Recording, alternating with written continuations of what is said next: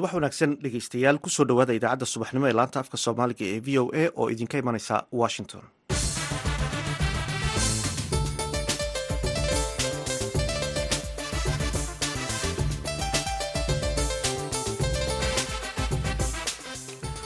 waa aroor sabti ah bisha januarina waa sanadka waxaad naga dhagaysanaysaan mawjadaha gaagaaban ee iyo mitrban iyo boggan internetka ee v o a somaly com.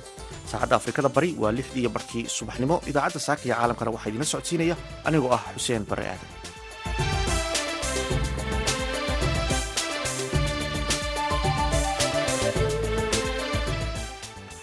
qodobada aad ku maaqli doontaanna waxaa ka mid ah dowladda hoose ee magaalada hargeysa oo sheegtay in shaqaalihii ugu badnaa ay shaqadooda ku waayeen arrimo la xidhiidha inay wax isdabamariyeen ama ay laaluush qaateen.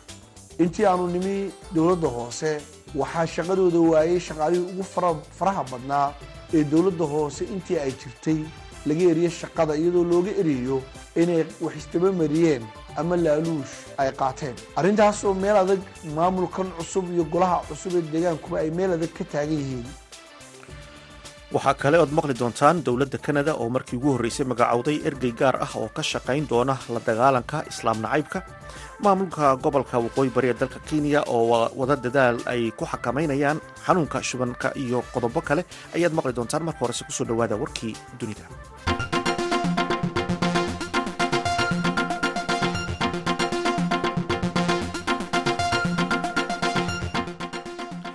booliska magaalada memfis ee koonfurta maraykanka ayaa soo bandhigay fiideo fiidnimadii xalay kaasoo muujinaya shan askari oo garaacaya tyre nicholas oo ah nin madow ah kadib markii ay boolisku joojiyeen. Fideoga ayaa muujinaya askarta oo si arxandaraa u garaacaysa nicholas muddo saddex daqiiqo ah. Laba sarkaale ayaa la arkayay iyagoo nicholas hoos u haya halka qaar kalena ay laad iyo feer la dhaceen memfis ayaa iyo magaalooyin kale oo dalkan maraykanka ayaa waxaa ka bilowday mudaharaadyo kadib markii ay boolisku baahiyeen muuqaalka garaacista. Qoyska nicholas ayaa ka codsaday mudaharaad kasta inuu ahaado mid nabad ah. Saraakiishan oo dhammaantood ah madow ayaa khamiistii lagu soo oogay dacwado la xidhiidha dil darajada labaad ah gacanka hadal afduub adag iyo anshaxumo iyadoo dhammaan saraakiishaasi shaqadii booliska laga eriyey wasiirka arrimaha dibadda ee dalka turkiga ayaa u yeedhay danjiraha denmark ee dalkeeda fadhiya iyadoo oo ku eedeysay denmark inay taageertay dembi nacayb ah. Kadib markii nin caan ka ah nacaybka islaamka uu jimcihii gubay laba nuqul oo ka mid a kitaabka qur'aanka kariimka ah xilli uu mudaharaad ka dhigayay caasimada dalkaasi ee copenhagen rasmus blauden oo u dhaqdhaqaaqa aragtida midigta fog haystana dhalashooyinka denmark iyo sweden ayaa hore u qaaday tallaabo ka cadhaysiisay dalka turkiga iyo dunida islaamka. Kadib markii uu gubay nuqul ka mida kitaabka qur'aanka ah intii uu socday mudaharaad ka dhacay dalka sweden bishan january koob iyo labaatankeedii jimcihii shalay isagoo oo ku sugan meel u dhow masaajid iyo weliba barxadda hore ee safaaradda turkiga ee ku taalla copenhagen waxa uu wacad ku maray inuu tallaabadani sii wadi doono jimco kasta ilaa dalka sweden looga ogolaanayo in ay ku biiraan isbahaysiga nato. Wakaaladda wararka ee turkiga anadolo ayaa sheegtay in wasaaradda arrimaha dibadda turkigu ay u yeedhay danjiraha denmark wasiirka arrimaha dibadda ee denmark ayaa warbaahinta denmark u sheegay in dhacdadan aanay waxba ka bedeli doonin xidhiidhka wanaagsan ee denmark iyo turkiga isagoo intaasi ku daray in copenhagen ay damacsan tahay in ay anqara kala hadasho sharciyadda denmark ee dhowreysa xorriyadda hadalka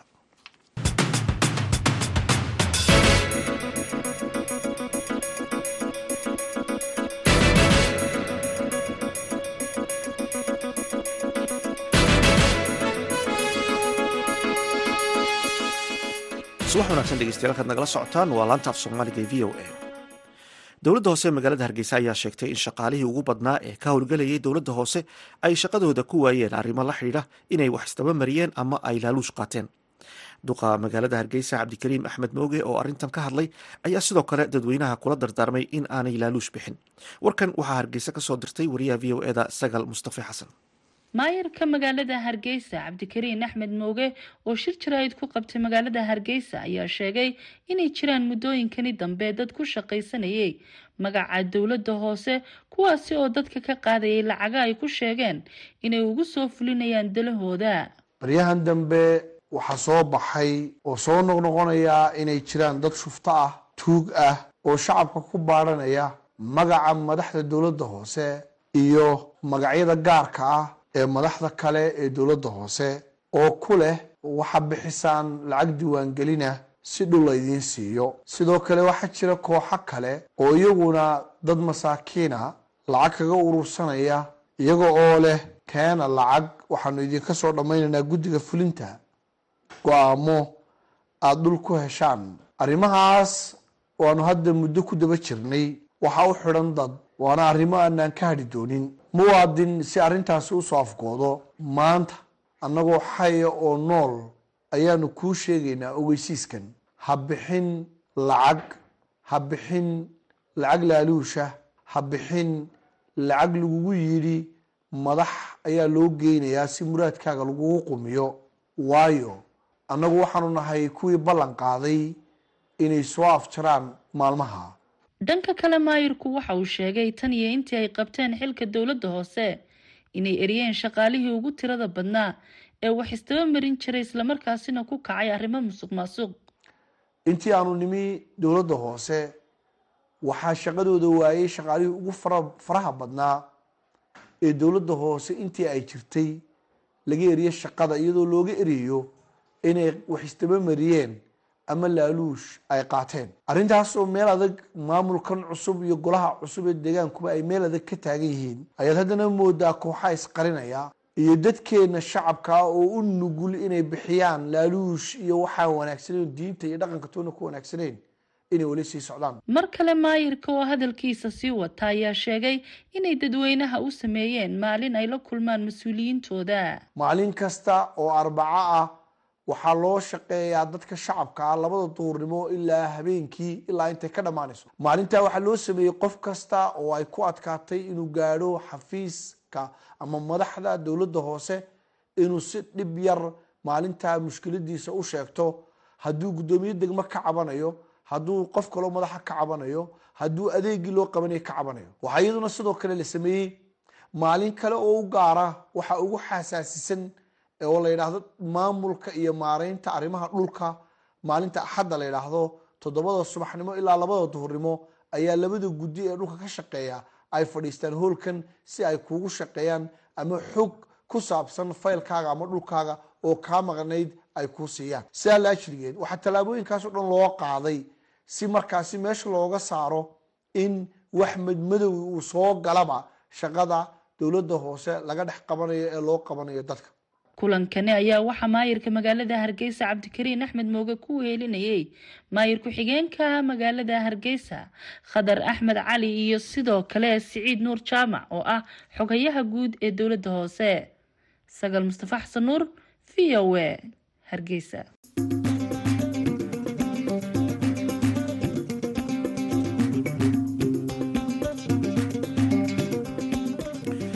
subax wanaagsan dhegeystayaal nagala socotaan waa laanta af soomaaliga ee v o a. Dowladda kanada ayaa magacowday ergey gaar ah oo u qaabilsanaan doona la dagaalanka islaam nacaybka. Tallaabadan oo noqonaysa tii ugu horreysay ee nooceeda ah ayay soo dhoweeyeen muslimiinta dalkaasi ku dhaqan oo ay soomaaliduna ka mid tahay. Warbixin arrintaasi ku saabsan waxaa magaalada toronto inooga soo diray wariyaha v o eda xuseen nuur xaaji ra'iisul wasaaraha dalkan kanada justin trudeau ayaa khamiistii amira el gawaabi oo ah suxufiyad madax bannaan oo u dhaqdhaqaaqda arrimaha bani-aadinimada u magacaabay inay noqoto ergeyga dowladda ee la dagaalanka islaam nacaybka. Amiira ayaa dowladda kala talin doonta sida ugu wanaagsan ee wax looga qaban karo faquuqa iyo nacaybka ay la kulmaan bulshada muslimka ah ee dalkan. Waxaa kaloo kaalinteedu ay noqon doontaa sida qoraalka lagu sheegay talobixin siyaasadeed mid sharci dejin iyadoo sidoo kale soo jeedin doonta barnaamijyo iyo xeerar loo dhan yahay. Ra'iisul wasaaraha ayaa qoraal ku yiri ma ahan qof ka mid ah bulshadeennu inuu dareemo nacayb la xiriira diinta uu rumaysan yahay. Magacaabista amiire ayuu ra'iisul wasaaruhu ku sheegay inay tahay tallaabo muhiim u ah dagaalka lagula jiro nacaybka muslimiinta nooc walba uu yahay. Ra'iisul wasaare trudo ayaa tilmaamay in amiira uu kala shaqeyn doono sii wadista dal nabad ah oo ku dhisan xushmad axmed xuseen oo ah xildhibaan heer federaal ah oo laga soo doorto xaafadda ay soomaalidu ku badan tahay ee york south weston sidoo kalena ah wasiirka guryeenta kala duwanaanshaha iyo kanada loo dhan yahay ayaa isagoo matalaya dowladda wuxuu magaalada toronto uga dhawaaqay magacaabista amira el gawabi.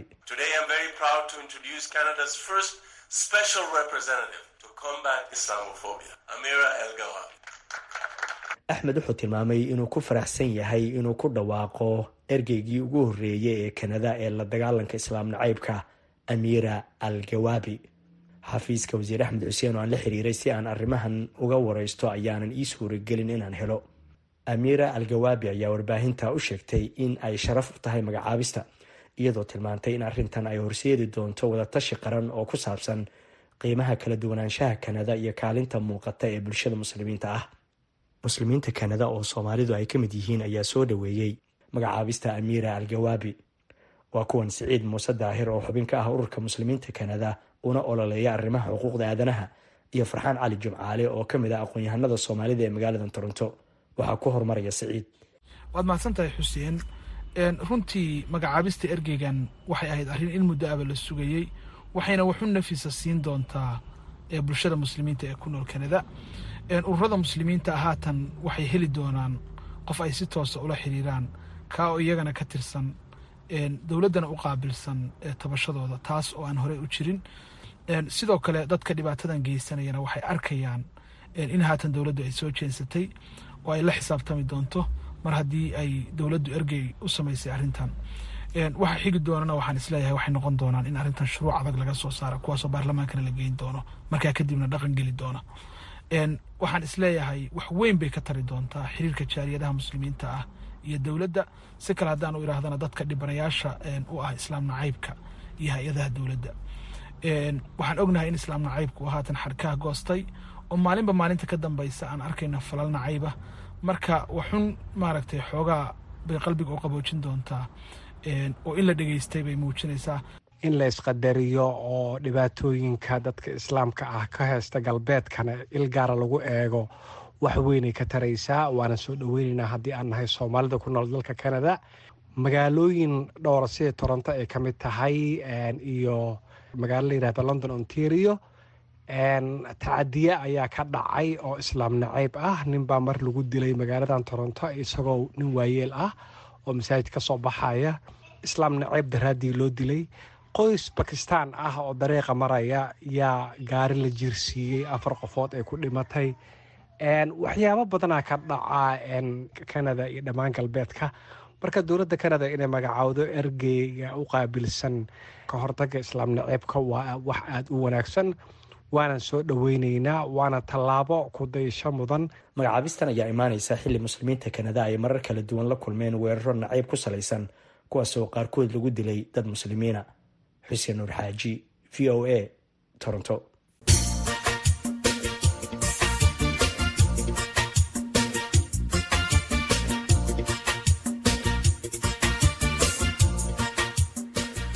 subax wanagsan dhegeystayaal nagala socotaan. Waa laanta af soomaaliga ee v o a. Maamulka gobolka waqooyi bari ee dalka kenya ayaa wada dadaal ay ku xakameynayaan xanuunka shubanka. Xili dad badan ay ku jiraan xarumaha lagu karantiimeeyo dadka uu soo ritay xanuunkaasi. Warbixin arrintaas ku saabsan waxaa gaarisa inooga soo diray wariyaha v o eda maxamed faarax shire.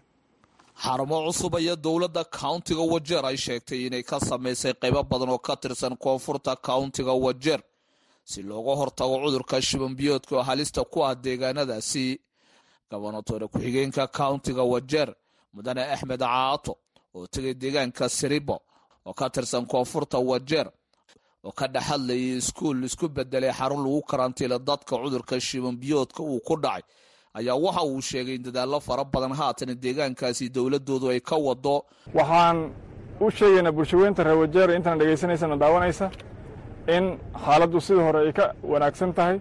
Maalmihii hore sagaashan iyo lix baa lagu bilaabay halkan. Maanta waxay maraysaa caddaddu ku jirto gudaha inay konton iyo saddex tahay. Biimadow oo tan ka horraysayna hadda iyo laba iyo toban ay tahay. Inta geeriyootay waxaa la sheegay inay sagaal yihiin wasaaradda caafimaadka iyo wasiiradda wasiiradda caafimaadka noo sheegtay. Laakiin sagaalkan goobtan kuma dhiman bannaanka intooda badan ay ku soo dhinteen laba qof waxaan ka ahayn toddobada kale intaysan soo gaarin bay dhinteen marka intiina soo gaartay waxaan inoo suurto gashay. Laba ma ahan inta kale inay ka badbaadeen. Inta ku jirtana waxaan ilaahay uga baryayna inay ka badbaadaan. Inta bogsatayna waxaan ku boorinaynaa inay taxadarkooda ay ay ilaaliyaan bulshadana ka ilaaliyaan wixii arrintaa iyada faafin kara. Mudane axmed ayaa waxa uu sheegay mar uu ka hadlayay macaluusha iyo gaajada deegaankaasi ka jirto. In halkaasi qaybo badan oo ka mida biyo dhaamis laga samaynayo sidoo kalena cunno la geynayo. Waxba ma hareebanayno. Haddii caafimaad noqoto waxaan haynaa meeshan daawo ku filan. Biyihii waa inuu diyaar. Haamaha mid baan hadda keennay laba kalena waa keenaynaa gaarigaasna intuu meeshan laga xirayo uu taagnaanaya halkuu idinku idin joogayaa. Biyaha ceelkaa laidinkaga soo jiidayaa hal kilomitar iyo bar waaye beri wixii ka bilowda waxaa weeye waxaa laidinkugu keenayaa magaalada. Laba kiosna waa laydin dhisaya laba meel laba goobood. Waa laydin dhisi doonaa reesiriba marka biyaha saasaan oga shaqaynaynaa hadday noqoto caafimaadkii waan ku hulannaha waan joognaa xagga cunnada dowladda horey way u soo iibisay cunto wayna soo iibin doontaa laba jeer. Ramadaanka intaan intaan la gaarin mar baan soo iibin doonnaa oon qaybin doonnaa. Inta ramadaanka ee lagu jirana mar baan idina qaybin doonnaa. Horena waa u qaybinnay wakiilka deegaanka ee biyimadow iyo sariiba dahaba yuusuf oo ay wada socdeen gobernatoore ku-xigeenka ayaa waxay sheegtay inay soo dhoweynayaan dadaalada haatan kauntiga ay ka wadaan deegaanadaasi tani aad bay u cusleed biimada waxay ahayd shan iyo toban ruux soddon saasay ku gaareen. Laakiin tan immediately soddon soddon boqol iyadoo gaarto maan maqalno. Walaalahan wixii laga geeriyoodana ilaahay maaragtay samar haniga siiyo annakana samar allah naga wada siiyo. Inaan caawinaan diyaar u nahnay inta dhimanna hadduu ilaah yaraata dowladdana way ku mahadsantay siday noogu soo baxda maaragtay dadkeena u garab istaagtay. Gobernatoore ku-xigeenka kauntiga wajeer mudane axmed ayaa waxa uu ka dhegaystay odayaasha iyo weliba waxgaradka deegaankaasi. Haleel haleelka cudurkaasi siduu u soo gaaray iyo weliba qaabka cudurkaasi dadku haatan ugu dhammaanayaan. Cudurkan meesha sirib ay dhahaan koob iyo toban beri iyuu hadda dhex yaallaa. Koob iyo tobankaa beri saaad maqasheenbo maxaa dhintay oy nafta daasay lix ruux? Lixda ruux ood maqasheen oy nafta daasay ma soo gelin. Caafimaadka gacantiisa ma soo gelin. Waa iska qadar ilaahay. Maxay galeen? Qaar way iska ajarmeen. Qaar dhexday ku dhaceen. Qaar gaari baa loola carayo caloolhawash ahaanba biimadow ayay ku dhinteen. Intii alxamdulilaahi intay caafimaadkan iyo daawadan iyo dawladda iyo haadaddaba intay gacanta soo gelisay. Waxaan u malaynahayaa boqol iyo wax. Yaan habeen ka tiri ani haddana kolley waxay yaallo iyo waxa ku jiro. Waa tiriseen baa fili. Wasiiradda caafimaadka guud ee dalkani kenya suusan wavula ayaa waxay sheegtay in afar iyo toban county oo dalkani kenya in haatani cudurkaasi dad fara badan ay ugu dhimanayaan iyadoo dad kor u dhaafay ilaa iyo afar kun oo qofna haatan cudurkaasi si haleel haleela deegaano kala duwan ugu soo ritay. In ka badan toddobaatan qofna ay haatan cudurkaasi u dhinteen saddexdii biloodee la soo dhaafay deegaanada wasiiraddu ay sheegtay waxaa ka mid ahayd deegaanadaasi haatani dowladda countiga wajeer ay sheegtay inay xoogga saarayso hab walboo cudurkaasi loogu hortegi lahaa ama loo dhicisin lahaa in cudurkaasi uu sii fido. Maxamed farax shire v o a garisa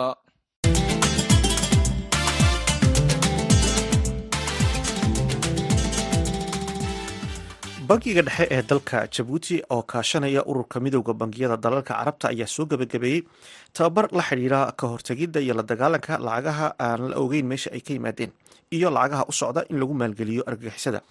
Aqoon kororsigan ayay ka qayb galeen bangiyo kala duwan oo ka howlgala degmada geeska africa warbixintan waxaa inoo faahfaahinaya oo jabuuti ka soo diray ramadaan muuse aqoon kororsigan oo socday saddex maalmood ayaa lagaga hadlayay qaabkii bangiyada degmadan geeska afrika. Ay u xoojin lahaayeen iskaashigooda iyo wada shaqayntooda la xidhiidha ka hortegidda iyo la dagaalanka lacagaha asalkooda aan la garanayn iyo lacagaha inta badan u socda in lagu maalgeliyo argagixisada. Arrintan ayaa kaalin horle ka qaadanaysa kala caddaynta iyo xaqiijinta lacagaha u kala gudba bangiyada ka howlgala geeska afrika iyadoo dhinac kalena xoojinaysa xidhiidhka iskaashigooda iyo wada shaqayntooda qaar ka mida mas'uuliyiintii ka socday bangiyada kala duwanaa ee ka qayb galay aqoon kororsigan ayaa iga waramay waxyaabihii muhiimka ay kala baxeen. Buliso cumar xuseen baa ladhahdaa inaan tababar baan ka qayb galnay. Waxaan baranay detectionga aqsaalul amwaalka. Saa loo laiska difaaci lahaa heer qaran. Magacaygo fuad axmed yuusuf baanka dhexe jabuuti oo tababarta ku haabixinayey baanka midowda baanka carabta oo la kaashanaya baanka dhexe jabuuti. Marka tababarku waa tababar ku saabsanaa saa looga hortago dhibaatooyinka finanshinalka ee lacagaha asalkooda la garanayn ee dibadda ka imanayaan ama gudahaba ku jira oo dhibaato u geysanaya dhaqaalaha waddanka ayaa laga laga bixinayey fangarayntan xagga argagixisada iyo argagixisada sidoo kale iyo dhibaatooyin kaloo dhaqaalaha saameynaya dalka iyo geeskaba oo saameynaya oo adduunkaba imika problem iyo dhibaato ku haya ayaa halkan lagu tababarna lagu siinayey annaka oo baanka dhexa ah iyo baananka kale oo dee waddanka ah iyo waxaa joogay oo kale dad ka socda burundi iyo soomaaliya. Maxaad fuaad aduu ka faa'iidaystaa loodhan kara anu faa'iido baritole aad ku hawlgelaysa waxaan ka faa'iiday in si fiican hadhow tolo baanan ka u maareyn doono markay tahay dhibaatooyinka kale reporting aba documentka noo soo diri doonaan inaan si fiican u baadhno sidii problemka iyo dee dhibaatooyinka ka soo socda dalka aan uga hortagno. Sida ahaan baan faa'iday maxamed dahar cabdalle salaam african bank. Waxaan odhan lahaa horta barnaamijka aan ka qayb galna wuxuu ahaa barnaamijka kahortaga anti money laundering. Lacagaha mataqaanaa imid madow ee waddanka laga soo gelin karo. Asalkooga la garanayn si looga hortagi lahaa. Taasina waxay keenaysaa in waddanka aan ka hortagno wax wixii khalladaada ama lacag soo gali karta oo aan badbaadino waddanka iyo dadkaba. Marka barnaamijku si fiican buu noogu socday muddo saddex cisha ayuu noo socday. Maasha allah wax badan baan kala faaidnay waxaa ka soo qayb bangiyo kala duwan oo dalka jabuuti iyo qaar dibadda ah. Marka barnaamijku wuxuu noogu dhamaaday si wanaagsan. Waxaan odhan karaa waxaan kala baxay cilmi fara badan baan ka faaidnay isdhexgal badan baan aragnay. Waxaa kaloo mataqaanaan ka faaidnay sidii aan uga hortegi lahayn qaabkii technikiskii waxyaaba la isticmaali lahaa si lacagaha looga hortago. Waxaa la yidhahdaa cabdi warsame diini. Waxaa ka socdaa international bank of somalia soomaali baan ka imid seminaarku meelo badan oo guud ahaan dal ahaan iyo rijin ahaan iyo aqoon ahaanba iyo horumar aqoonta sida lagu ilaaliyo lacag dhaqidda ka hortaga argagixisada iyo wixii la halmaalo oo ku keeni kara waddan walba khatar ku keeni kara. Ayaynu ka barannay faa'iido weyn ayaanu ka qaadanay.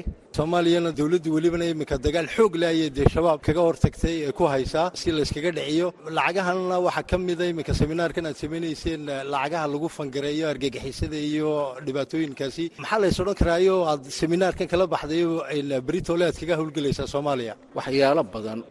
Waddanka waxaan kula noqon doonaa kolleyba insha allah wixii halkaan aan ka barannay guud ahaan marka la yidhaha soomaaliya ama waxyaalahaas haysta waxaan rajaynaynaa aniga keliya ma ahan dad kale oo bunuug kale oo soomaaliyeed ka socda ayaa jira. Aqoontii aan halkaan ku qaadanay kolley waddankii waa kula noqonaynaa ilaahay hadduu idmo. Rabadaan muuse jaamac v o a jibuuti isla wararka dalkaasi jabuuti ayaan ku jirnay. Magaalada jabuuti waxaa isla fiidnimadii xalay lagu soo gabagabeeyey orodka sanadlaha ee maaratoonka gaaban ee koob iyo mitir ee caalamiga ah iyadoo ay tahay sannadkii labaiyo labaatanaad ee la qabanqaabiyo waa kan mar kale ramadaan muuse. Orodka sanadlaha ee maratoonka gaaban ee dalka jabuuti waxaa ka qayb galay orodyahano kala duwan oo ka socday jabuuti etoobiya somalilan kenya uganda ruwanda iyo qaybo ka tirsan ciidamada faransiiska ee degan jabuuti orodka waxaa kaalinta koowaad soo galay jamaal cabdi diiriye oo u ordayey jabuuti kaalinta labaad waxaa soo galay maxamed ismaaciil oo loo yaqaan cabdifataax oo u ordayey jabuuti iyadoo kaalinta saddexaad uu soo galay muumin buux geele oo isna u ordayey jabuuti orodkan waxaa sanadadii dhowaa ku guulaysanayay inta badan orodyahano ka socday dalalka degmadan sida etoobiya kenya iyo uganda iyadoo sanadkan saddexda kaalmaha hore soo galay ay noqdeen orodyahan u dhashay jabuuti guushan ayaa si xoog leh u farxad gelisay guud ahaan dadweynaha jabuuti iyo gaar ahaan guddoomiyaha xidhiirka orodada jabuuti saciid ismaaciil xasan yaalkeeni reer jabuuti afarta ugu horreey galeen kaad bromiye ka bromiyega baxay waa loola yaqaanaa isagu wuxuu caymadaa simi maraton iyo maratonka orodada dhaadheer. Marka isagu waa nin aad ugu ugu fiican orodada ninka ay desium iyo tulasium raggaa waxay caymadaan. Ka desium saymil ku caymadaa iyo tulametr stibel marka adaygiskii badan buu ka qaaday iyagoo ficil badan ku jiro. Iyo la jaan qaadeen raggii maanta la caymid ee wuxuu leeyahay wax saacad yar ka ugandheega wuxuu leeyahay saacad saacad iyo afar baa lagu sameynaya. Waxay ka dhigan tahay ciyaalkeennu haddii tole dee dad kale waan la jaan qaadaynaa oo nivooga ay gaadheen waan soo gaadhayna waan soo gaadhnay si fiican marka mahad baan u celinaa dhammaan waxaa orodyahana reer jabuutiya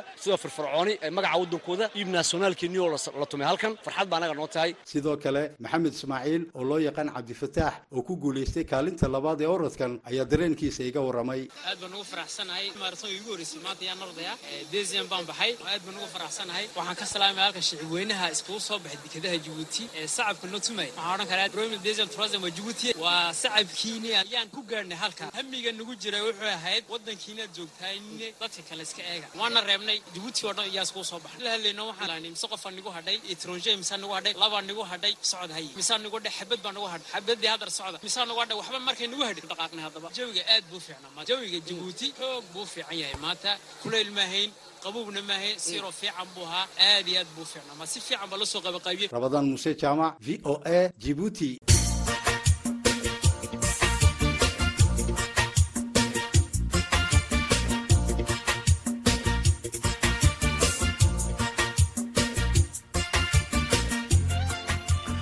subax wanaagsan dhegeystayaal halkaad weli nagala socotaan waa laanta afka soomaaliga ee v o a oo si toosa idinka imanaysa magaalada washington. Gabagabadii idaacaddeenna ayaan ku sii siqaynaa. Markana aynu ku wada nasanno heeskan oo inagu looqeeyo fanaanka cabdi xasan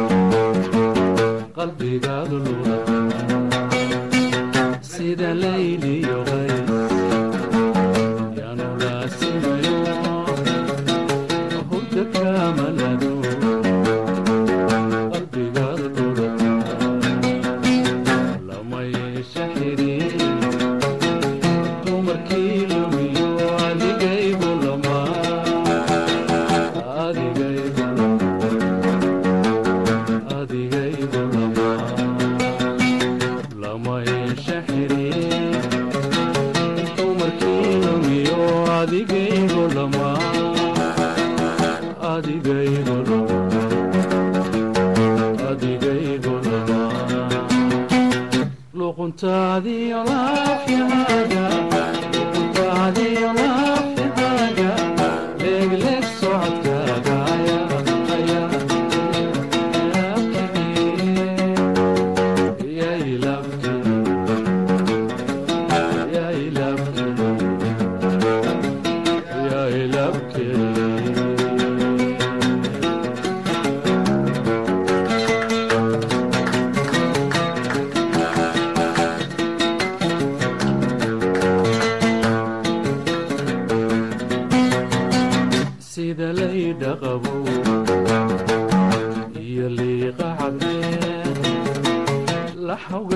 dareema lubigaad gelisee sida layda qabo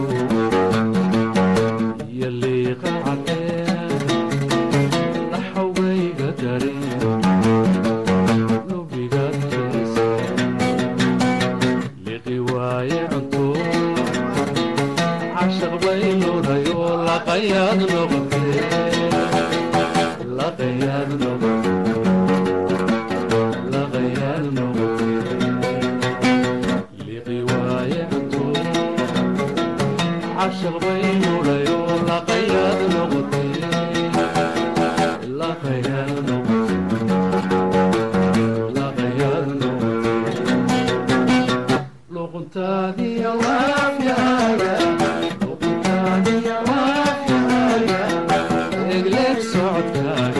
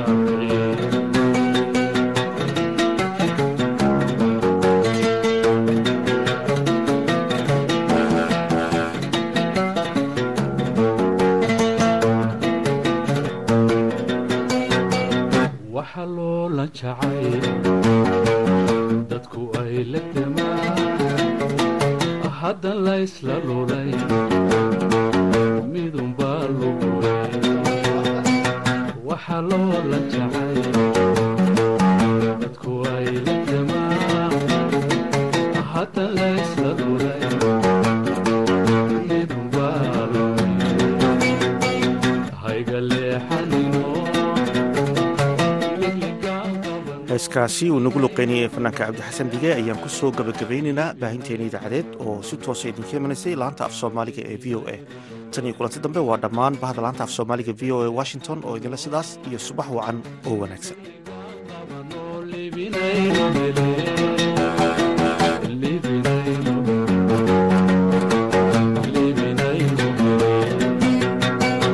Lqntd